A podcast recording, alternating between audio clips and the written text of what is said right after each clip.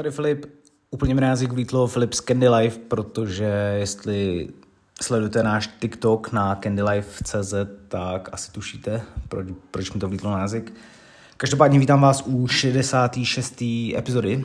Mimochodem 6 je moje oblíbené číslo, takže, takže se to sešlo. Candy Life je, nebo začala prostě být srdcovka. A tahle epizoda bude, bude o Candy Life, protože je to v podstatě rok, nebo už je to rok a pár dní, co jsme vlastně spolu s kamarádem, s Patrikem uh, založili Candy Life, nebo respektive jsme se rozhodli, že, že si rozjedeme nějaký svůj nový projekt. A samozřejmě na začátku jakoby člověk vymýšlí, jaký produkt, nebo aby to bylo něco legendárního, aby to prostě nebylo okoukaný, aby to nebyla nějaká tuctovka na druhou stranu, pokud člověka jakoby baví biznis nebo chce rozjet biznis, tak je dobrý, když ten produkt nebo když ta věc prostě je ověřená, víme, že se prodává. Eh, nechtěli jsme ani do toho rvát jakoby z začátku peníze, prostě nějak jakoby se dokázat s tím, že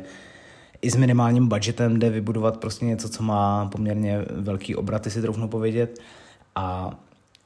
takže pro nás jakoby to byla taková, uh, dejme tomu i taková jakoby zkouška toho, jak to všechno jde.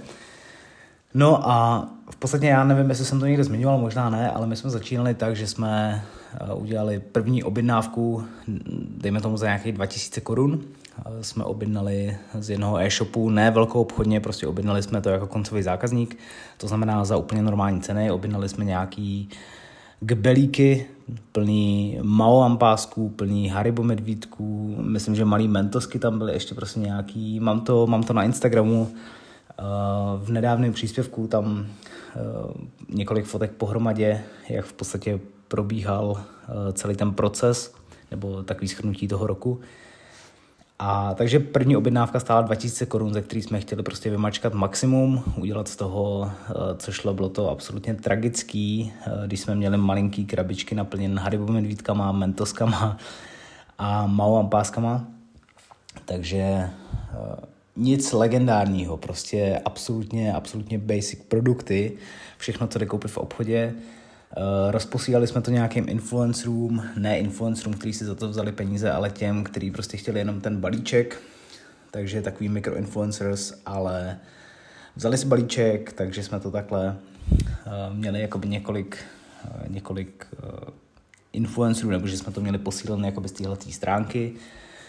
Potom jsme dělali nějaký soutěže, prostě nějaký marketing, do kterého jsme nevráželi peníze, nebo respektive eh, neutráceli jsme za Facebook reklamy, neutráceli jsme za žádnou jinou reklamu, než eh, za to, že jsme v podstatě do toho vložili svoje produkty, takže nějaký svůj náklad. Takže jako by to byla první objednávka, kterou jsme postupně uh, točili klidně na, na Instagramu CandyLife, CandyLife.cz, když sem mrknete na úplně první posty, tak ty fotky, tak ty krabičky, prostě je to je to špatný, ale tak jsme začínali, je to, pro mě je to super, je to prostě taková, takový reflektování toho, že nepotřebuje, ne, nemusí být dokonalý fotky, nemusí být dokonalý absolutně, absolutně nic, jenom v podstatě to tlačit, být konzistentní, nějak, uh, nějak vytrvat, nesnažit se z toho urvat uh, peníze hned na začátku. A takhle jsme to postupně prostě točili. Pak jsme k tomu nebo měli jsme i takový uh, zvláštní logo z začátku, nebo zvláštní prostě budgetový. A všechno jsme to jakoby postupně ladili, postupně jsme uh, kupovali nové produkty, pak jsme postupně domluvali velkou obchodní uh, spolupráce a všechno jsme to otáčeli, všechno jsme to prostě v tom točili a potom během půl roku nebo někdy na podzim, myslím, jsme víc šlápli do reklam na Facebooku, víc se to prostě začalo všechno točit, takže eh, v jednu chvíli jsme na začátku nestíhali. Eh, vlastně svůj sklad jsme měli až teď od začátku eh, tohoto roku. Do té doby jsme byli, nebo sdíleli jsme sklad z Chokis, nebo respektive půlku, tam jsou dvě místnosti, takže půlku té jedné místnosti, což bylo opravdu, já nevím, 20 metrů čtvereční, 25, něco takového. Eh, je to všechno vidět na těch fotkách na, na mém Instagramu, kde prostě to byl skládek úplně jak nic. Pak, pak se tam balily objednávky prostě v jednom, ve dvou, ve třech, ve čtyřech lidech. Pak jsme brali zboží už jakoby ve velkým, eh, ale všechno jsme to takhle jakoby postupně točili. Baví mě úplně na tom sledovat jakoby ten progres. Do toho z kraje roku jsme rozjeli, nebo víc jsme šlápli do TikToku, protože Patrika napadlo, nebo respektive viděl, že bychom, že bychom tam mohli působit, že bychom tam prostě mohli fungovat, takže jsme, takže přišel s tímhle tím nápadem. S tím, že tam rozjedeme i placené reklamy, což byl úplně skvělý nápad a což se nám, nebo prostě se to znatelně odrazilo v obratech na e-shopu, když, když jsme rozjeli TikTok eh, placený, nebo respektive ty reklamy tam, takže teď opravdu se jakoby snažíme každý den dávat uh, videa, ať už jakoby zbalení objednávek, tak představování novinek. Každý den se snažíme uh, dávat prostě na síti nějaké fotky, být tak furt konzistentní, do toho sem tam máme nějaký spolupráce s influencerama. Vlastně v lednu nebo v únoru, teď nevím úplně kdy, jsme byli na veletrhu v Kolíně, tam jsme strávili asi dva, dva nebo tři dny. To byl veletrh sladkostí nebo všech, všech prostě dobrot takhle ze světa, takže tam jsme uh, poznali nový lidi, no, poznali jsme nové značky, uh, poznali jsme tam vlastně i skvělou značku ze Švédska Pandy, uh, se kterou jsme teď to tak dávno navázali spolupráci pro jakožto distributor pro Česko a Slovensko, takže od nich odebíráme produkty a aktuálně je nabízíme do do obchodů, do, do posiloven, na e-shopy a podobně, s tím, že je prodáváme i u sebe na e-shopu. A celý se to tak jakoby krásně vyvíjí, úplně se mi to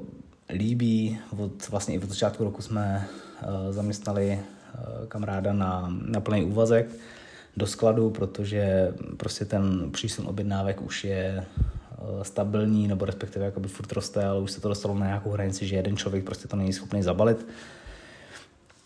takže nám tam vypomáhá uh, plno dalších brigádníků a prostě jsme v tom konzistentní, chceme růst, chceme se v létě, v létě, když bude místo nebo když bude nějaký prostor, tak se chceme stěhovat do většího skladu. No a prostě postupně to tlačit budu, nebo prů, průběžně z toho dávám nějaký, nějaký report nebo nějaký prostě úryvky na, na Instagram, protože fakt mě to baví, líbí se mi to a je to, je to super, takže na druhou stranu, i když jakoby eh, člověk na to jakoby kouká zvenku, vidí nebo vnímá ty začátky, tak si myslím, že je to i dost inspirativní, protože eh, za ten rok, teď je to fakt jako rok, nevím, rok týden, rok 14 dní se udělal velký kus práce, velký, eh, velký posun tam byl. A zase, když se vrátím k té prvotní myšlence, která nebyla absolutně nějak výjimečná, nebylo to něco, hele, pojď, rozjedeme něco, co tady prostě není to, co jsme rozjeli, tady je. Je toho tady dost a vždycky je to jenom jakoby o tom dát těm lidem nebo těm zákazníkům, klientům důvod, proč by měli jakoby nakupovat od vás. A je to furt jakoby neustálý hledání, takže uh, furt se nad tím uh, s Patrikem pravidelně pozastavujeme, hledáme tam nějaké možnosti, co by, jakou cestou bychom se mohli vydat, co bychom mohli zkusit. Plno věcí je tam vyloženě zkoušení, plno věcí nám tam nevyšlo. Chtěli jsme na Valentína, jsme chtěli udělat valentýnský balíčky, takže jsme si domluvili uh, popcorn, v podstatě českou výrobu, že nám udělali popcorn na zakázku s naším logem, uh, tak jak jsme chtěli. Uh, čekali jsme, že to bude větší boom, měli jsme několik, několik kilometrů červený mašle, že prostě budeme mít bedinky na Valentína.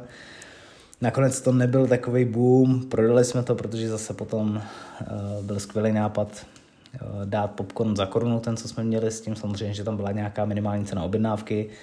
takže to nebylo úplně tak tratný, na druhou stranu čekali jsme o to něco jiného, ale to je prostě součást celé té hry,